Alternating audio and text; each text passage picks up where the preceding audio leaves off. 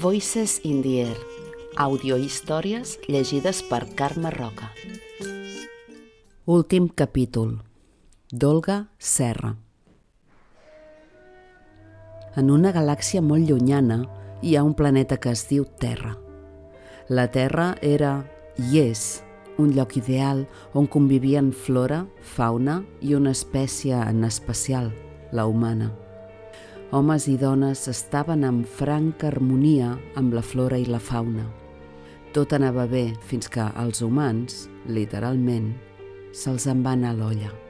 Es van creure amos i senyors del planeta. Per avarícia, creences estúpides i altres gilipollades van començar a prendre terrenys a flora i a fauna, destruint, matant i cremant. La Terra, veient el futur que li esperava, va començar a donar tocs d'atenció als humans. Terratrèmols, erupcions volcàniques, tsunamis, aiguats... Però res, els humans ni puto cas. La Terra es va donar per vençuda, veient el cataclisme que venia. Va començar a despedir-se de tots els planetes germans.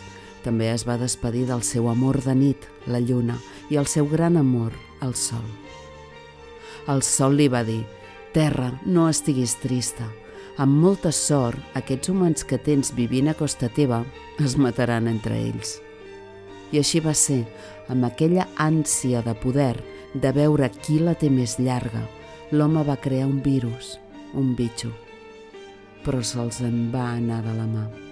El virus va saltar de país en país, de continent en continent, espantant i de quina manera els humans.